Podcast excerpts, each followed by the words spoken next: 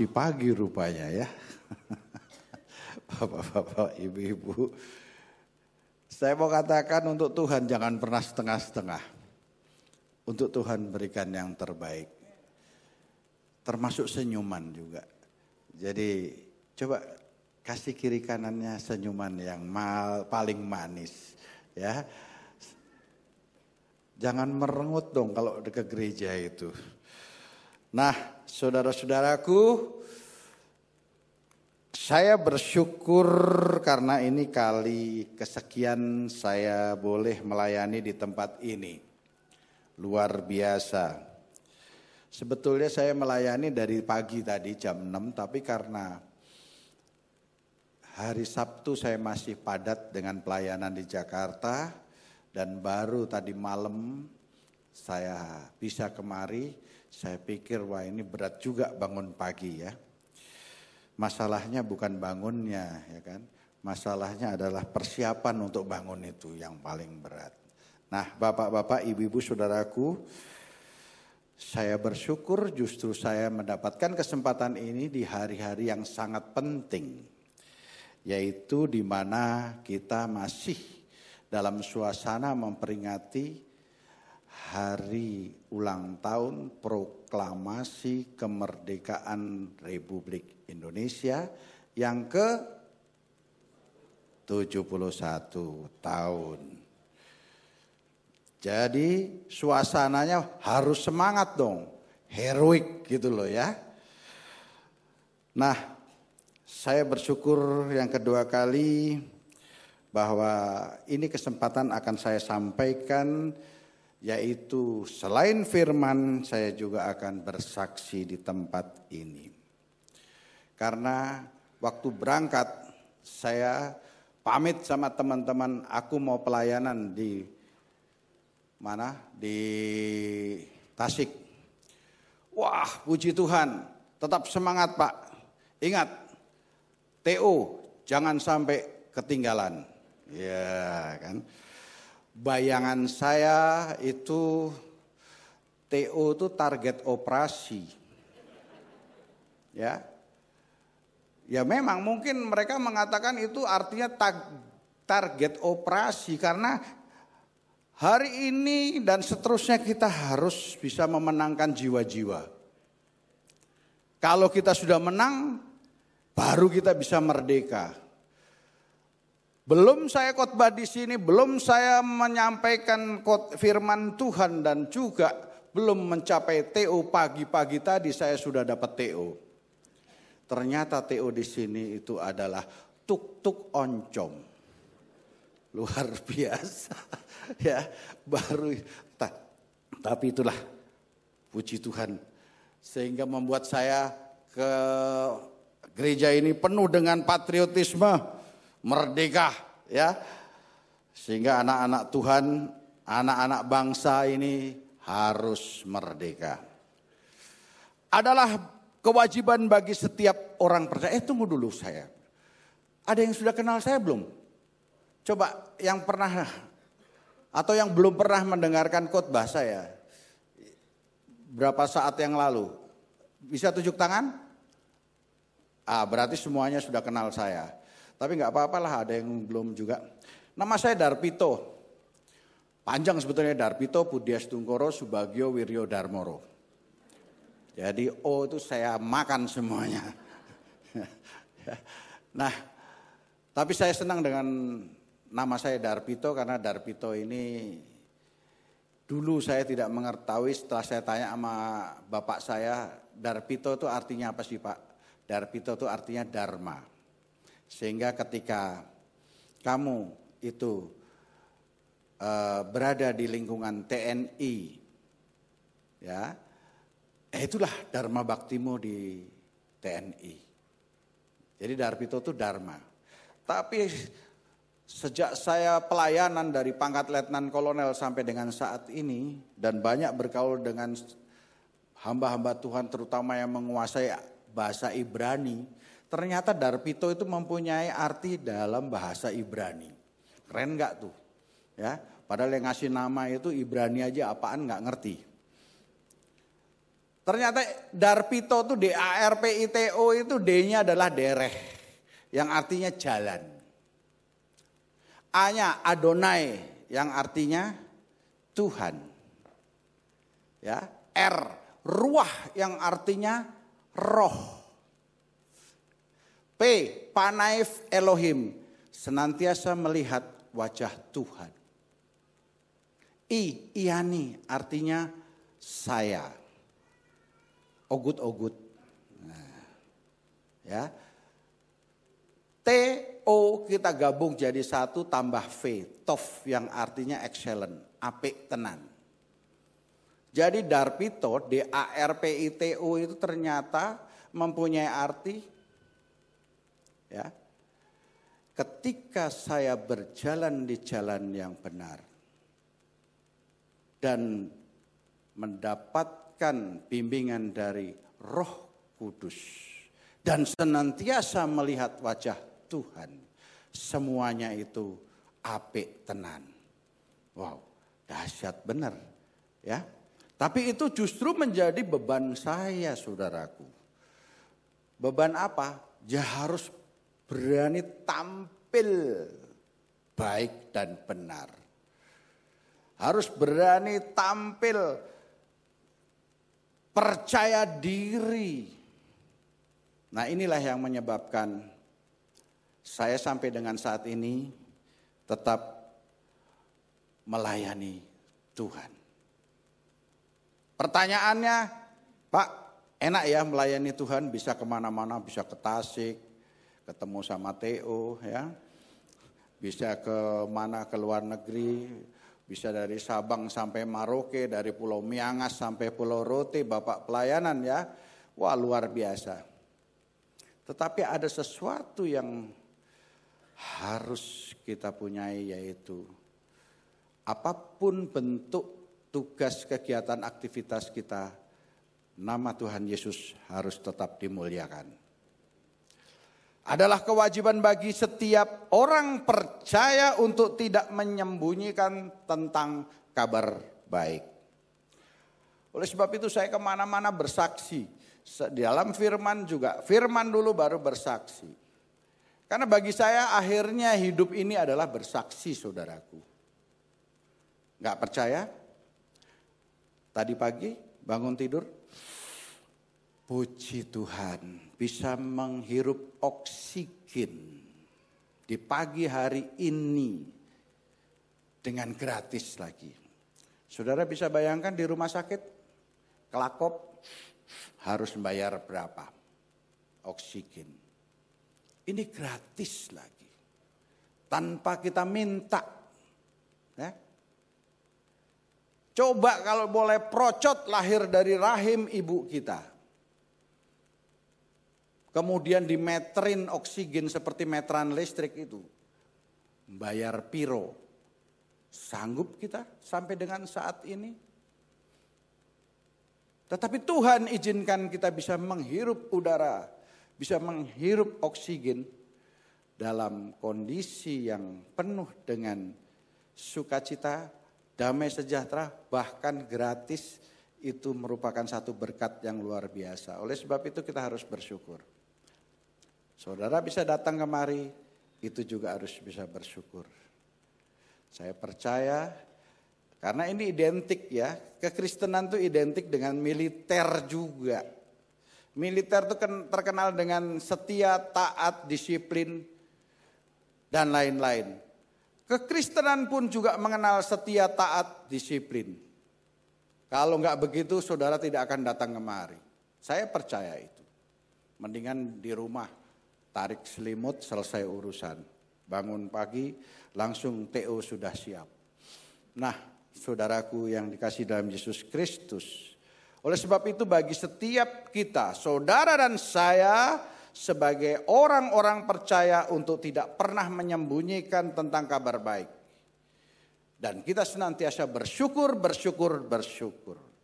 Sebab Rasul Paulus pada 2 Korintus 3 ayat eh 4 ayat 3 sampai dengan 4 mengatakan jika Injil yang kami beritakan masih tertutup juga maka Injil itu tertutup untuk semua untuk mereka yang akan binasa yaitu orang-orang yang tidak percaya yang pikirannya telah dibutakan oleh ilah zaman ini. Katakan amin. Saudaraku, inilah ya, jangan pernah menutup pemberitaan Injil. Jangan pernah menutup kesaksian. Saya berani yakin saudara datang ke tempat ini dengan berbagai masalah yang sekarang saudara sedang gumuli. Saya nggak tahu masalah apa, tetapi pasti ada masalah. Karena memang hidup itu adalah untuk memerangi masalah. Hidup itu adalah medan pertempuran, medan peperangan di mana kita harus berani bertempur untuk kebenaran ini. Kita harus mengakui saudaraku bahwa masih ada banyak orang yang menganggap dirinya sangat bermoral dan tidak lagi memerlukan Injil. Banyak saudaraku, pakai U ya, banyak. Ingat saudaraku, Allah lah yang menciptakan rasa kebutuhan di dalam diri setiap umat manusia. Tetapi apa yang kita lihat dalam keseharian kita? Kebanyakan orang yang tidak tetap tidak menyadari akan kebutuhannya. Sampai Allah sendiri menyatakan dirinya secara jelas di dalam Yesus Kristus.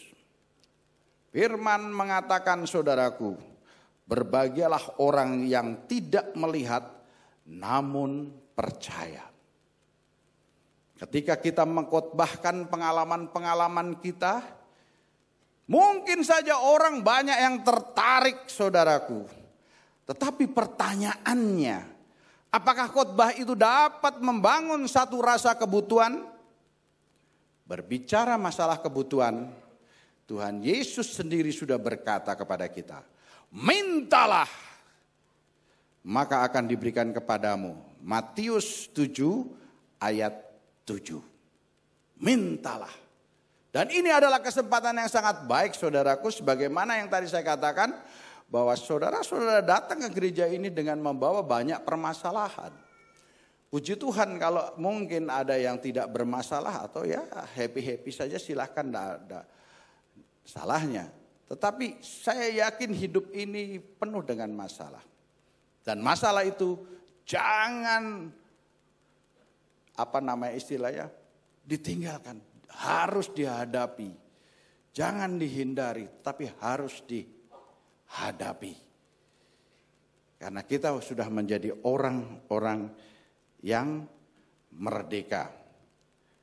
Nah, saudaraku, roh Allah menciptakan kesadaran akan kebutuhan kita di dalam dirinya. Kuasa penciptaan dalam penebusan Allah bekerja dalam jiwa-jiwa setiap orang yang dan itu hanya melalui pemberitaan Injil Kristus. Jangan main-main dengan ini. Bukan dengan ini apa yang loreng itu serem banget itu apa namanya Alkitabnya loreng itu mentang-mentang yang khotbah ini tentara gitu bukan ya. Tetapi isinya saudaraku. Pernahkah saudara sudah menyelesaikan pembacaan dari depan sampai dengan belakang? Saya yakin sudah pernah. Tetapi begitu sudah pernah jangan terus berhenti. Ulangi lagi, ulangi lagi. Gali lagi, kali lagi. Karena inilah kehidupan kita. Inilah jalan kebenaran dan hidup kita. Ya, saudaraku, karena ini kita bisa hidup saudaraku. Karena penuh dengan janji-janji Tuhan dan itulah yang pengharapan kita di dalam kehidupan kita. Nah, kembali lagi kuasa penciptaan dalam penebusan Allah bekerja dalam jiwa orang-orang yang hanya melalui pemberitaan Injil. Dan karena penebusan Allah kita dibuat benar-benar menjadi manusia yang merdeka. Merdeka! Nah, jawab dong, itu yang jawab luar biasa. Pasti yang jawab yang tua-tua yang dulu pernah ikut revolusi. yang muda-muda bengong aja ya kan. Merdeka! Ah, saudaraku. Dulu pekik ya. Saudaraku, ini pernah terjadi pekik kemerdekaan ini pernah terjadi 71 tahun yang lalu. Dan beberapa hari yang lalu kita telah mencapai 71 tahun usia kemerdekaan Indonesia yang artinya 71 tahun kita sudah bebas dari penjajahan. Namun pertanyaannya saudaraku dan ini perlu dijawab. Benarkah kita sudah merdeka? Ayo. Benarkah kita sudah merdeka?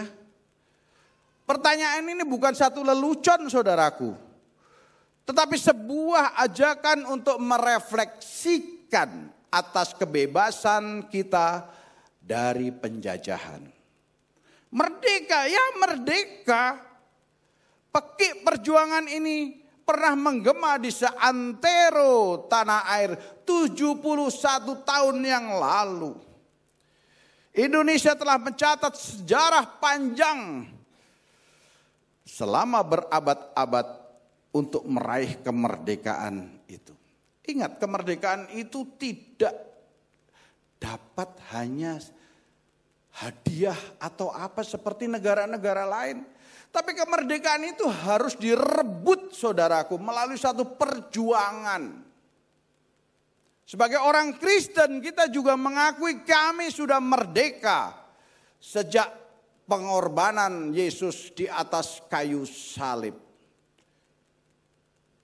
Tidak saudaraku, tidak titik cuma satu di situ saja. Karena pemberian Tuhan Yesus dengan pengorbanannya di atas kayu salib. Tetapi selanjutnya kemerdekaan itu harus diperjuangkan saudaraku. Berjuang hidup dan mati. Nah dan para pendiri negara ini, founding father, kalau kita belajar sejarah, pernah menegaskan bahwa kemerdekaan adalah jembatan emas menuju kesejahteraan bangsa. Pertanyaan selanjutnya, kalau tadi pertanyaannya, benarkah kita sudah merdeka? Sekarang pertanyaan yang berikutnya adalah, apakah jembatan emas itu sudah kita manfaatkan dengan baik? Itu pertanyaan. Pertanyaan ini sangat relevan antara pertanyaan pertama dengan pertanyaan kedua. Sebab ketika jembatan emas itu belum dimanfaatkan secara optimal, artinya kemerdekaan kita ini masih sebatas status. Baru status saudaraku. Kita pantas untuk merenung jangan-jangan kemerdekaan kita ini sudah bias saudaraku. Mari kita renungkan bersama bahwa kemerdekaan Indonesia itu dahulu diproklamasikan karena ada kesamaan makna para pejuang dan patriot bangsa Indonesia diikat dengan kesamaan makna yaitu perlunya kemerdekaan dalam tempo yang sesingkat-singkatnya. Sehingga pada prakondisi kemerdekaan adalah mewujudkan bagaimana solidaritas sosial yang kuat. Itu harus diwujudkan. Yang mengalahkan segala ego-ego sektor sektoral, ego lokal dan akhirnya terakumulasi di dalam satu konsep nasional. Ini kok kayak pidatonya Bung Karno ya. Serem banget. Tapi inilah ya, kalau sudah berbicara kemerdekaan itu ya harus begini. Tapi ironisnya saudaraku, pada saat Indonesia sudah menjadi satu lembaga sosial yang besar, mengapa konstruksi sosial kemerdekaan menjadi kehilangan makna? Lihat saja apa yang terjadi di sekitar kita. Salah satunya akhir-akhir ini kita disuguhi informasi tentang tindak kekerasan, perbuatan sewenang-wenang hanya karena perbedaan keyakinan dan cara pandang.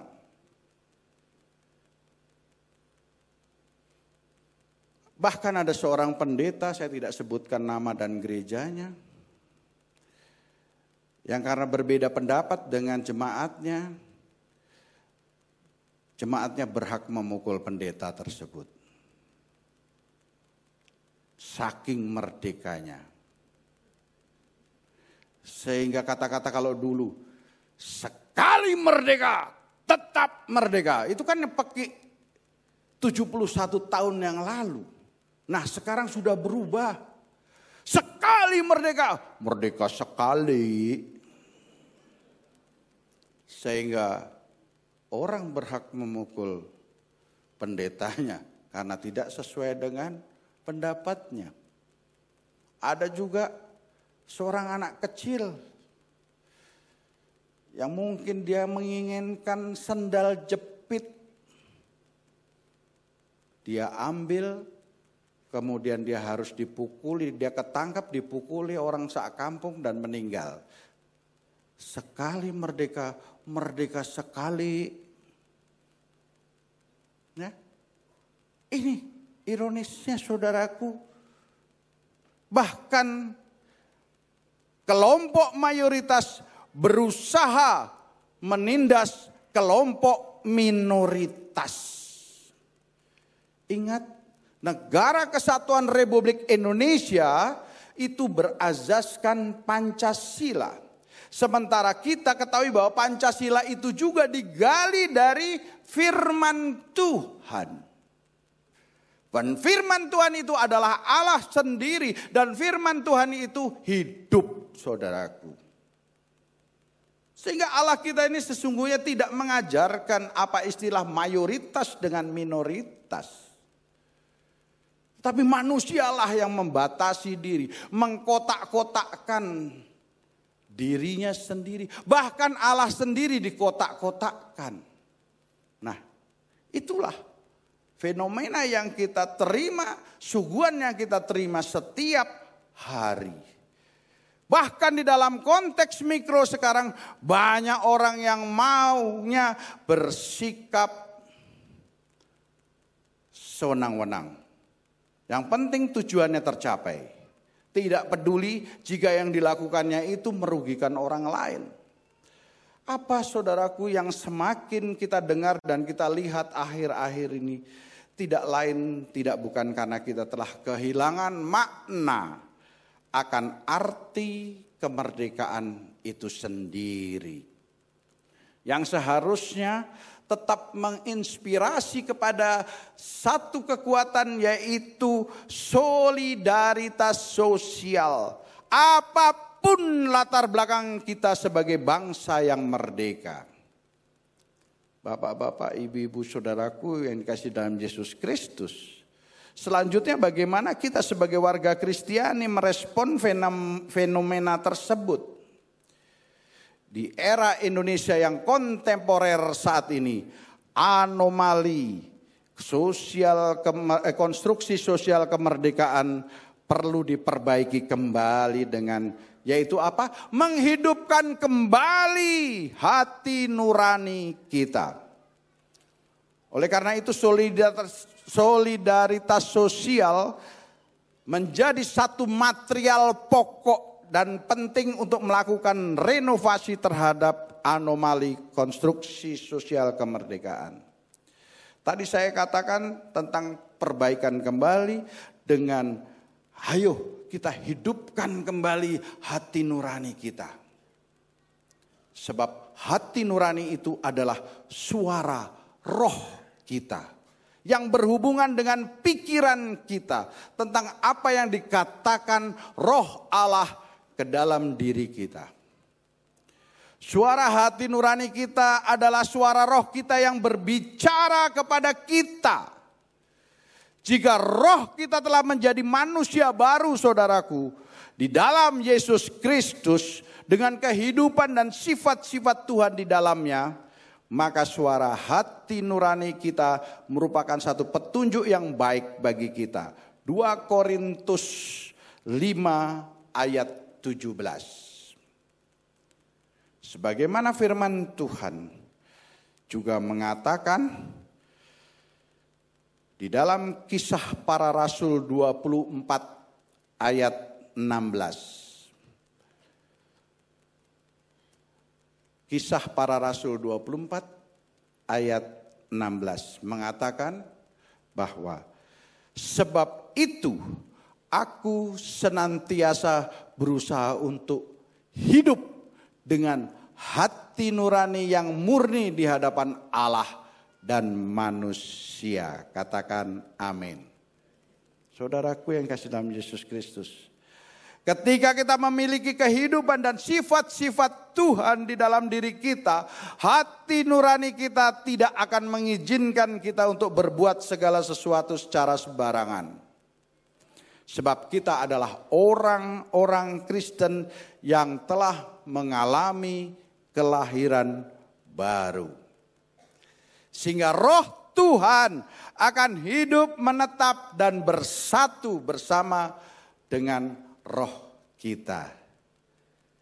Ungkapan sejati dari sifat kekristenan saudaraku bukanlah dari perbuatan baik saja. Melainkan di dalam keserupaan kita dengan Allah sendiri.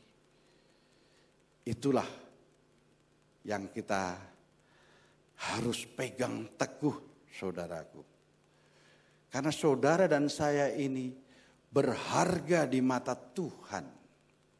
Ya, luar biasa, predikat yang luar biasa yang kita bisa terima dari Tuhan sendiri engkau berharga di hadapanku. Engkau bernilai di hadapanku. Kenapa kita berharga dan bernilai di hadapan Tuhan? Sehingga Tuhan mau mengorbankan dirinya di atas kayu salib.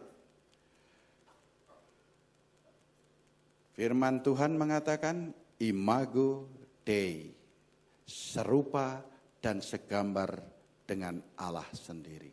Saudara dan saya serupa dan segambar dengan Allah. Katakan amin. Beritahu sebelahnya engkau serupa dan segambar dengan Allah. Wow. Ya. Nah inilah yang menyebabkan kita melalui kuasa roh Allah telah mengubah kita akan mem, sehingga kita dapat memancarkan sifat-sifat ilahi di dalam hidup kita. Dan bukan hanya sifat manusiawi yang baik-baik saja saudaraku. Pertanyaannya, ciri-cirinya apa sih Pak?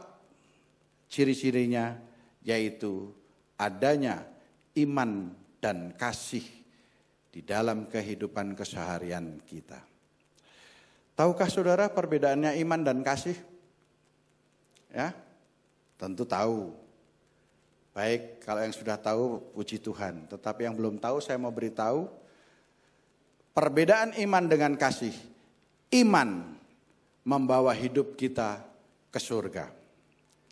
Namun dengan kasih membawa surga ke dalam kehidupan kita. Iman memberikan kita kekuatan, namun kasih menguatkan banyak hati yang lelah. Dengan iman kita bisa melihat Tuhan di dunia ini. Tetapi dengan kasih dunia melihat Tuhan di dalam diri kita. Ingat saudaraku, kita dibenarkan karena iman yang kuat kepada Yesus Kristus. Untuk itu, marilah kita bersyukur karena kita akan mengalami banyak sekali terobosan yang akan mendatangkan kemenangan.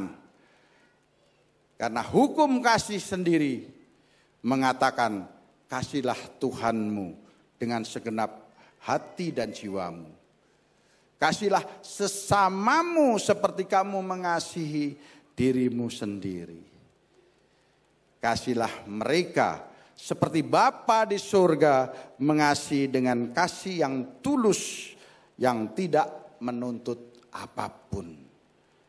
seperti Bapa sayang kepada anaknya. Demikian pula Kristus Yesus sayang kepada kita dan sayang dia kepada kita telah disempurnakan yaitu di mana di atas kayu salib. Ya. Oh, besi salib. ya nggak apa-apa dong, semakin hari semakin modern ya kan. Nah, Bapak tahu? Itulah kasih. Jadi saya lihat di sini banyak ibu-ibu yang menggunakan kalung salib. Anting-anting salib tadi saya melirik sejenak. Bahkan ada bapak-bapaknya menggunakan tato salib. Tahukah salib apa itu artinya? Kasih Kristus kepada kita. Lambang kasih jadi nanti bapak ibu kalau ditanya, pah, mah atau kong, ngapain kong pakai tatu salib? Apa artinya salib? Harus bisa menjawab. Itulah lambang kasih. Yang ke atas, kasihlah Tuhan Allahmu. Yang ke kiri, ke kanan, dan ke bawah, kasihlah sesamamu manusia. Dan yang perempatan persis antara yang horizontal dengan yang vertikal, di situlah letak kita. Kasihlah dirimu sendiri. Itu. Sehingga itulah kasih, lambang kasih. Kenapa yang atas lebih pendek daripada yang ke kiri, kanan, dan bawah? Ya jelas dong pak, karena itu tempat kepala. Di atasnya ada tulisan inri.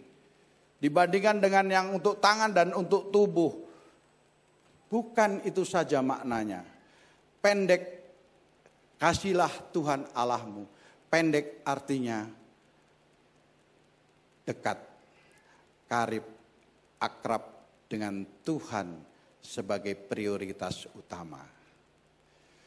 Baru yang ke kiri, ke kanan, dan ke bawah, dan di tengah-tengah perempatan. Kenapa yang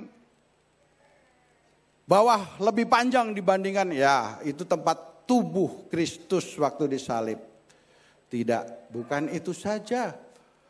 Panjang itu artinya karena dia harus ditancap di dalam tanah. Dan ingat, jangan pernah ditancap di pasir saudaraku. Karena begitu ada ombak, rubuhlah salib Kristus itu rubuhlah, runtuhlah kasih itu. Harus ditanam di mana? Di atas batu karang yang teguh, yaitu Yesus Kristus yang adalah Tuhan dan Juru Selamat kita. Katakan amin. Saudaraku itu kegunaan dari salib Kristus. Dan saudara, posisi berada di perempatan. Berisiko saudaraku Nggak percaya silakan berdiri di perempatan jalan sana kalau nggak ditabrak sama truk gandengan. Oh bukan itu saudaraku. Berdiri di perempatan artinya kalau saudara dapat kucuran berkat dari Tuhan. Kan yang ke atas Tuhan Allah. Kucuran, cur cur cur cur ya jangan berhenti di tengah lah. Berbagi kepada sesama. Demikian juga kalau sesama kita mempunyai masalah dan mentok gak bisa, jalan keluar juga gak ada. Jangan terus rasain lo, jangan gitu. Gue pernah seperti lo. Ya sekarang lo rasain sendiri, lo nikmati sendiri, jangan. Ayo, mari, mari. Kalau kau gak punya jalan untuk memecahkan, ayo kita bawa kepada Tuhan. Untuk mendapatkan solusinya. Itu kasih Kristus. Nah, kalau salib itu saya pegang atasnya, saya balik jadi apa? Pedang bermata dua.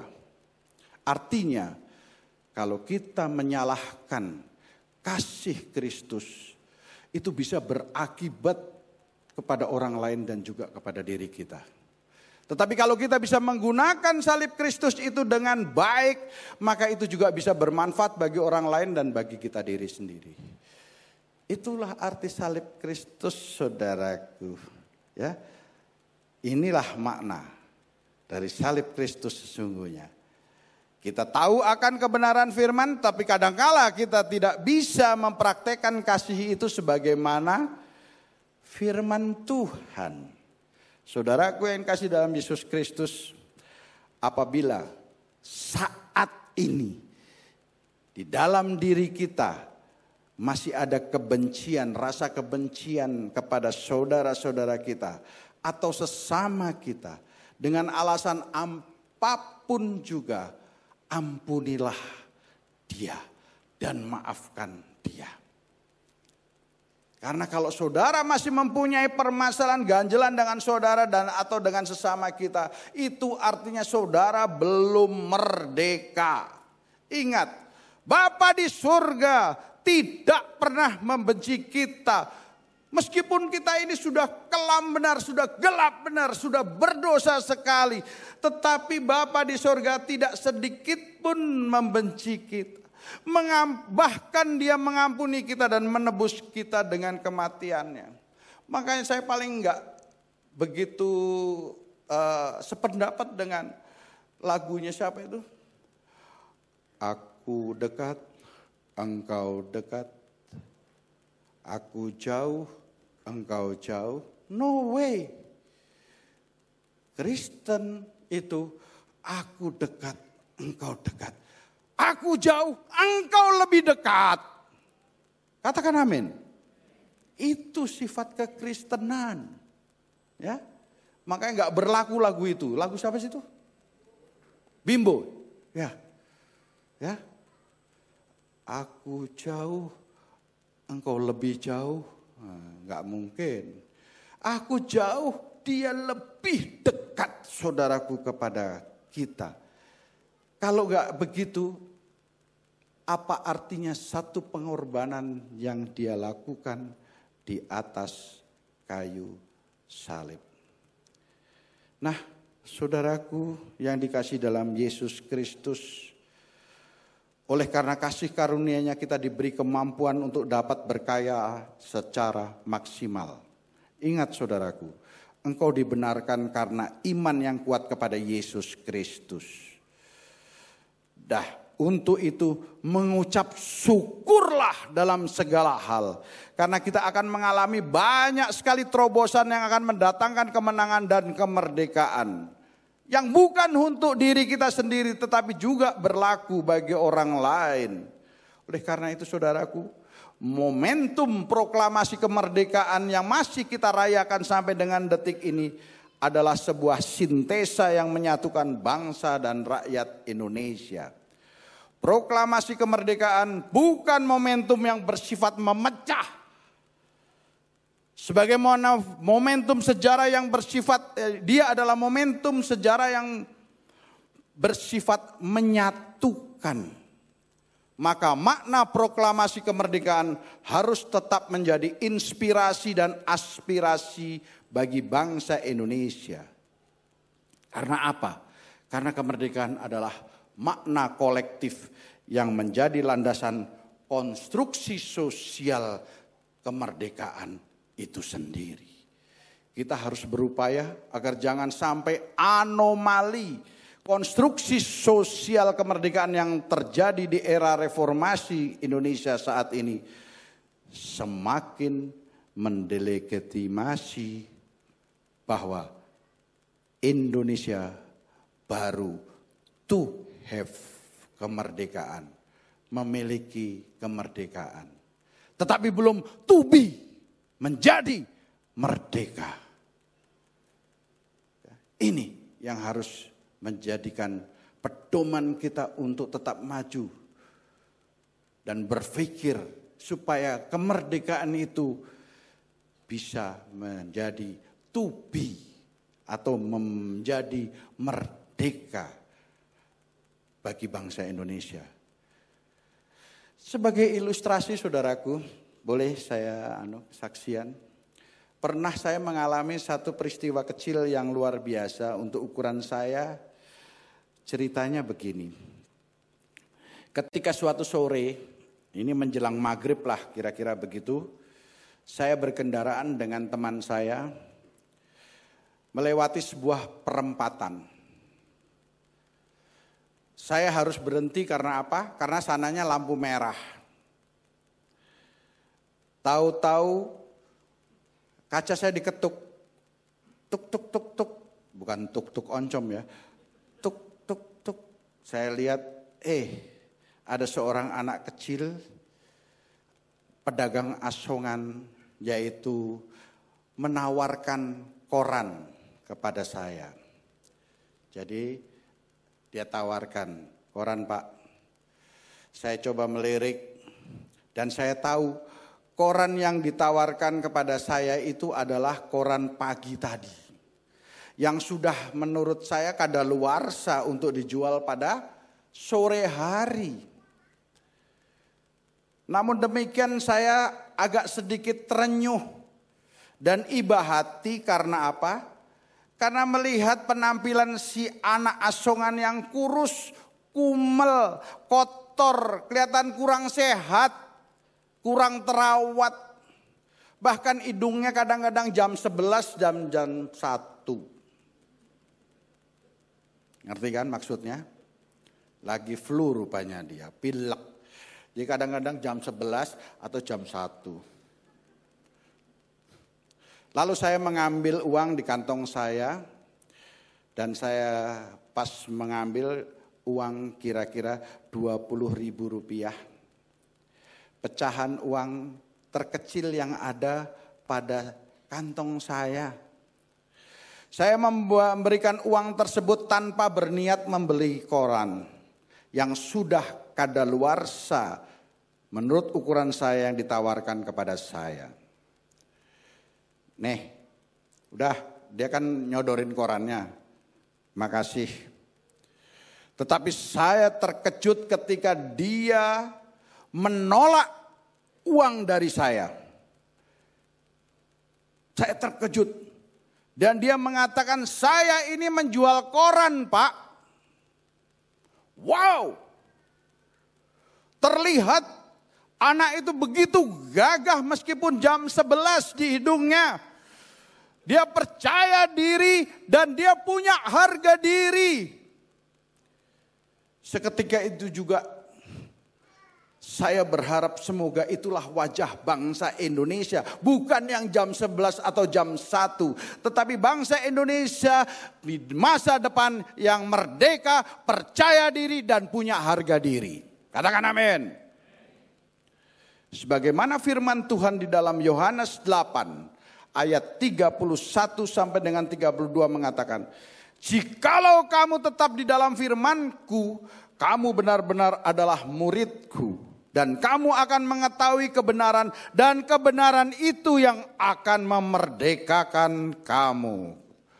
Dan kalau kita mau merdeka saudaraku harus percaya diri dan punya harga diri. Hanya ada satu hubungan yang benar-benar berarti di dalam hidup kita, yaitu hubungan pribadi kita dengan Allah sendiri. Dan kalau kita bisa memelihara hubungan itu dengan baik, maka Allah akan menjalankan rencananya di dalam hidup kita. Satu individu yang ter, tak ternilai harganya di dalam rencana Allah. Dan individu itu mungkin saudara atau saya. Nah, saudaraku, yang dikasih dalam Yesus Kristus, kita harus bangga untuk menjadi bangsa Indonesia karena itu sudah kehendak Allah. Belakangan ini kita disibukkan dengan berita yang namanya dwi kewarganegaraan. Saya tidak mempedulikan itu, mau bodoh. Warga negara Allah kalau saya ini bukan WNI saja, tetapi WNA, warga negara Allah. Ya, selain warga negara Indonesia, saya juga warga negara Allah. Saya punya duit kewarganegaraan. Ngapain diributkan? Ya, heran saya di Indonesia ini. Lama-lama tuk-tuk oncom bisa diperdebatkan di MPR DPR itu